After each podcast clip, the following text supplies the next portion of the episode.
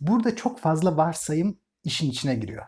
Herkesin varsayımı farklı olacağı için şimdi koyacağımız varsayımları da söylemek zorunda kalacağım. Çünkü bu varsayımlar geçerliyse öyle olabilir diye düşüneceğim.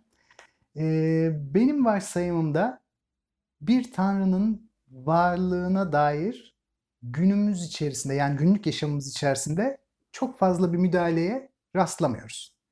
Dolayısıyla sanki işler eee, bizim omuzlarımıza yüklenmiş gibi görünüyor. Varsayımlardan bir tanesi bu. Çünkü bazı varsayımlara göre Tanrı her şeye karışıyorsa o zaman zaten bir şey yapmama hakikaten gerek kalmıyor. O yüzden hani varsayımı söylemek istedim başta.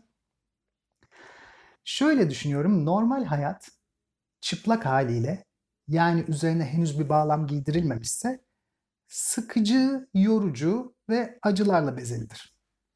Ee, mesela bundan şöyle bir şey kastediyorum. Faulkner'in harika bir romanı var. Ses ve Öfke diye. Ee, farklı anlatıcılar tarafından anlatılıyor. İlk anlatıcı Benjamin, Benyi diye geçiyor kitapta, bir zeka özürlü. Ee, Benyi zeka özürlü olduğu için zamanlar arasındaki farklılıkları anlayamıyor.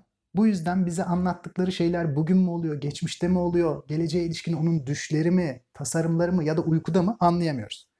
Ve e, olayları sadece olduğu gibi betimliyor. Yani diyelim ki bir tecavüzle mi karşılaşıyor? Bir tecavüzün tanığı mı? Bize orada bir tecavüz olduğunu söyleyemiyor Benjamin. Sadece olan olayları birazcık tasvir ediyor ama o tasvirden biz hiçbir şey anlayamıyoruz. Çünkü bizim kavramlara ilişkin beklentilerimiz bambaşka. Hayatı çıplak olarak ancak bir benyi gibi görebiliriz. Yani bir akış. Şimdi bu ilginç bir şekilde tanrısal bakış açısı. Yani gelecek, geçmiş, düş, tasarım her şey kendi bağlamından sıyrılıyor. Sıyrılmış oluyor. Böyle bir bakış açısına insan elverişli değil. Benjamin'in anlattığı hiçbir şeyi anlayamıyoruz kitapta. Sonraki abilerinin anlatışından olayların ne olduğuna dair bir izlenim edinebiliyoruz. Şimdi insan böyle bir çıplak yaşamla baş edemediği için kendi mekanizmasının zayıflığı yüzünden dedim ya bu tanrısal bir bakış açısı. Ee, bununla baş edemeyeceği için insan sürekli olarak öykülemeler, olaylara baş son yazmalar, onları bir bağlam içinde e, anlamlandırmalar üzerine çalışır. İnsan anlamsız görünen bütün bu yaşamı anlamlandırmayla uğraşır. Şimdi bu anlamlandırmayla uğraşma olmazsa hem yaşamla bir penetrasyon, iç içe geçme olmaz hem de yaşamdan hiçbir zevk alınamaz.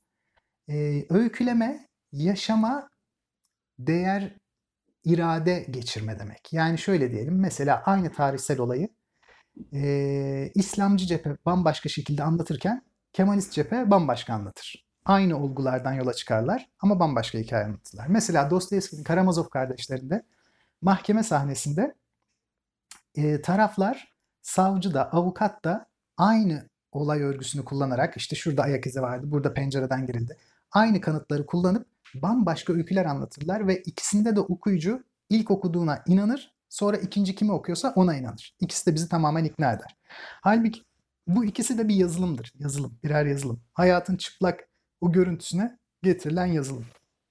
Şimdi bu yazılım olmadan demin dediğim gibi hayat o tanrısal bağlama geçtiği için ve anlaşılamaz kılındığı için bir bağlam getirmek gerekir. İnsan bağlam getirirken kendisine bir mücadele alanı bırakmazsa yani kendi konforunu çok e, arttırırsa o zaman burada hiçbir haz duygusu gerçekleşmez. Kişinin kendini oyalamaya ihtiyacı var benim evren tasarımında.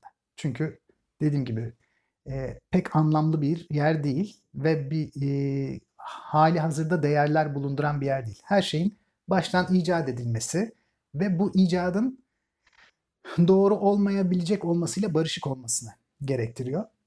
Herkesin kendi kapasitesine göre mücadele edebileceği bir hedefi olması bana yaşamı daha katlanılabilir kılar görünüyor. O yüzden şeye şöyle düşünmüyorum. Kendimize büyük hedefler koymamalıyız diye düşünmüyorum. Kendimize imkansız hedefler koyup neden yapamadığımız üzerine bunalıma girmemeliyiz diyorum. E, çünkü büyük hedef olmayınca çatışacak bir e, kahramanlık öyküsü oluşmuyor. İnsan kendisini ama kahraman görmeye hevesli. Ve e, öyle olmadığı zaman e, kendi özgüveni de azalıyor. E, ve hayatla didişmediği zaman bir ondan zevk de almıyor. Sürekli sıkıntısını ve acısını taşıyor. E, bu yüzden geleceğe ilişkin büyük şey e, ne diyelim büyük hedefleri sıcak bakıyorum. Ama ayrım şu tabii, imkansız olmayan hedefler. Ve şu da önemli. Bazen insan çok büyük bir hedef koyabilir ama hedefin neye mal olacağının bilincinde olarak mı ya da olmayarak mı? Şimdi bence orada da önemli bir soru var. Bazen e, diyelim ki ülkenin başına geçmek istiyorsunuz. Ülkenin başına geçmek günde belki 20 saat çalışmanıza, çocuklarınıza hiç vakit ayırmamanıza, evliliğinizin sadece kağıt üzerinde kalmasına, sürekli olarak etrafınızda 40-50 kişiden oluşan bir koruma ordusuyla, bürokrat ordusuyla, sizi sürekli onaylayan, siz ne derseniz onun dışına çıkmayan garip bir güruhla birlikte olmanıza, hayata ilişkin bambaşka bir tasarıma gitmenize yol açıyor. Ya da diyelim ki bir şirketin CEO'su olmak istiyorsunuz. Yine belli şekillerde bütün gün boyunca şirketi düşüneceksiniz.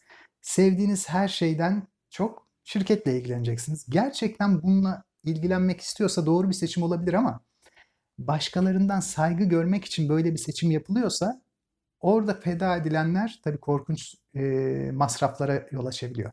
Manevi masraflardan söz ediyorum. Yani.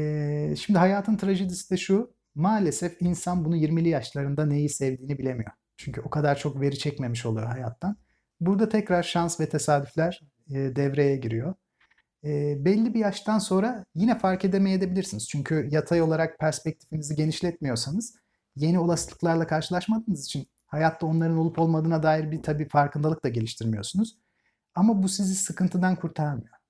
Mesela kediler de e, ki bazıları biliyor yani caddeden geçerken sağa sola bakmayı bilmiyorlar. Ama bunu bilmemesi onu ezilme riskinden bağımsız kılmıyor. Yani bir insanın hayata dair perspektifinin geniş olup olmaması onun acı çekip çekmemesini bence belirlemiyor. Bu yüzden de bir trajedi var ortada. Kısaca böyle.